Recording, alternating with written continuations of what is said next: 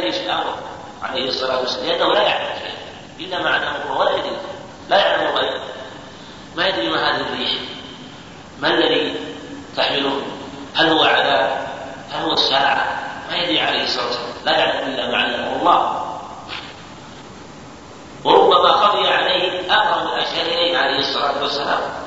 ولهذا في غزوة بني المصطفى في في أحد لما مر في قصة عائشه في في قصة فقد العرق فقد العرق كان كانت قلادتها وكان عرقها الذي استعرته من اسماء تحت الجبل الذي كانت تركبه. وكان مربوطا عنده وذهبوا يبحثون يمينا وشمالا. وكان فلما أقاموه ولدوا العلم تحته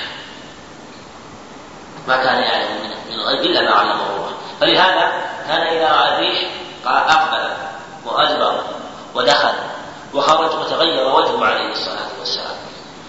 كله يخشى هذه الريح ولا يدري ما شأنه. وهذا ما وهذا الشأن.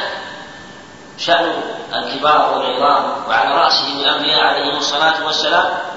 عندما تتغير الأحوال الكونية تتغير أبدانهم تبعا لتغير الأحوال الكونية ولأجل هذا هذا من أعظم ما تدفع به أسباب البلاء والشر هو اللجأ إليه سبحانه وتعالى. وهكذا كان شأنه عليه الصلاة والسلام وسيد الأولياء وسيد الأنبياء وخير ما طلعت عليه الشمس كان هذا هو شأنه عليه الصلاة والسلام.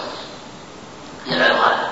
ولم يقل أنا نبي وأنا رسول ولا أخشى وسوف ينصرني وسوف لا ما قال هذا عليه الصلاة والسلام. بل فعل هذه الأشياء حتى روي ذلك لوجه عليه الصلاة لأن المقام تقتضي الخشية وليبين لأمته أن الإنسان قد يكون على خطر مهما كان شأنه ومهما كان مقامه وأنه يجب أخذ الحيطة والجد والاجتهاد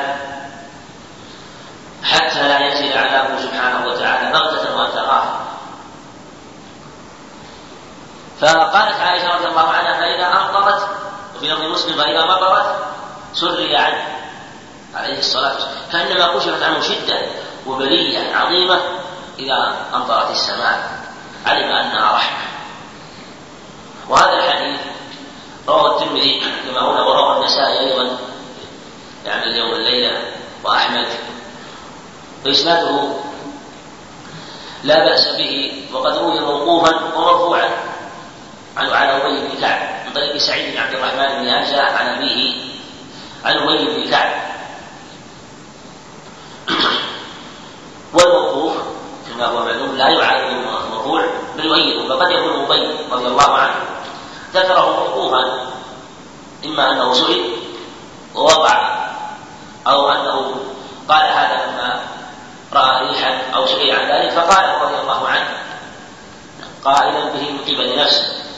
ثم قال مرة أخرى مرفوعا إلى النبي عليه الصلاة والسلام. بل الموقوف يؤيد المرفوع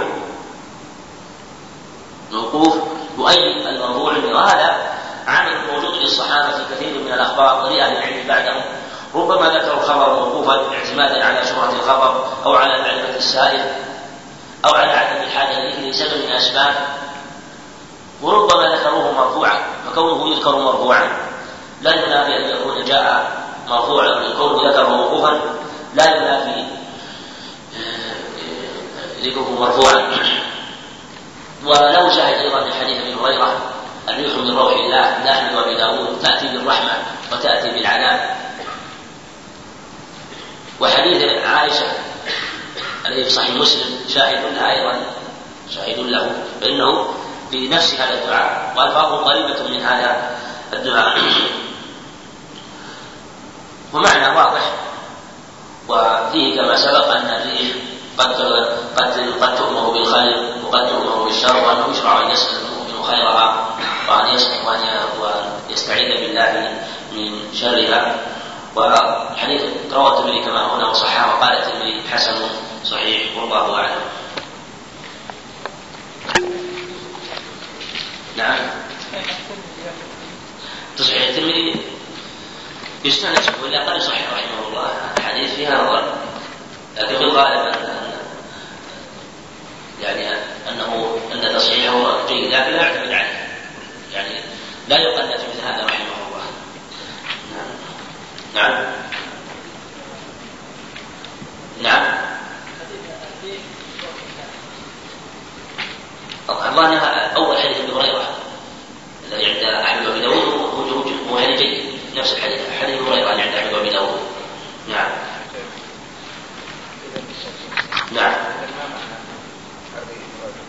من رحمة الله من رحمة الله هذا المراد يعني الرحمة ها؟ إذا سمع هذا كيف؟ إذا في عذاب. هو تفسير يقول من رحمة الله. لا شك كل ما يكون في الكون فهو من رحمة الله سبحانه وتعالى. كله من رحمة الله. وإن كان عذاب فهو رحمة لأهل الإيمان. قد يكون محض قوم كافرين وقد يكون بزالة شر وفساد فهو رحمة. كله في الجملة هو رحمة. وإن كان عذابا. نعم.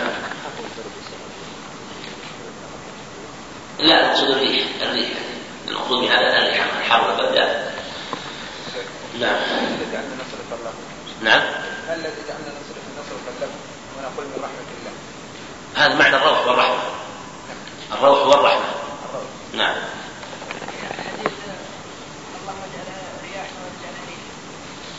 حديث مكروه من حديث ابن عباس. ما أذكر هذا الان ذكر الظاهر حافظ بن حجر لكن ما اذكر أقول ما اذكر عن صحته اللهم جاء رياحا وهدم ريحا ويراجع حديثه نعم. عليه ان يخشى عليه كما كان باب قول الله تعالى يظنون بالله غير الحق ظن الجاهلية. يقولون هل لنا من الأمر من شيء؟ قل إن الأمر كله لله. يخفون في أنفسهم ما لا يبدون لك. يقولون لو كان لنا من الأمر شيء ما قتلنا هنا. قل لو كنتم في بيوتكم لبرز الذين كتب عليهم القتل إلى مضاجعهم. وليبتلي, الله ما في صدوركم وليمحص ما في قلوبكم والله عليم بذات الصدور. وقوله الظانين بالله ظن السوء عليهم دائرة السوء.